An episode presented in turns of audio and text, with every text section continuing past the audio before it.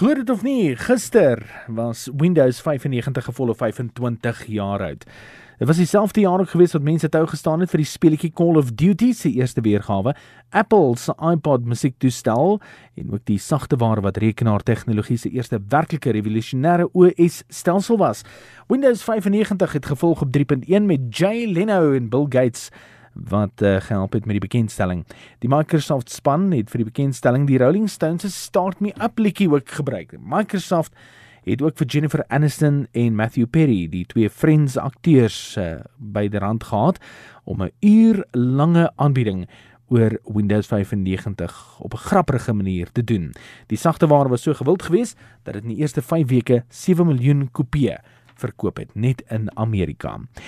Die volgende storie was te wagte TikTok wat probleme in Amerika ondervind deur sy maatskappy ByteDance wat in China geleë is, sê hulle is van plan om die Amerikaanse regering hof toe te sleep omdat Donald Trump se administrasie besluit het om TikTok in Amerika te probeer verban.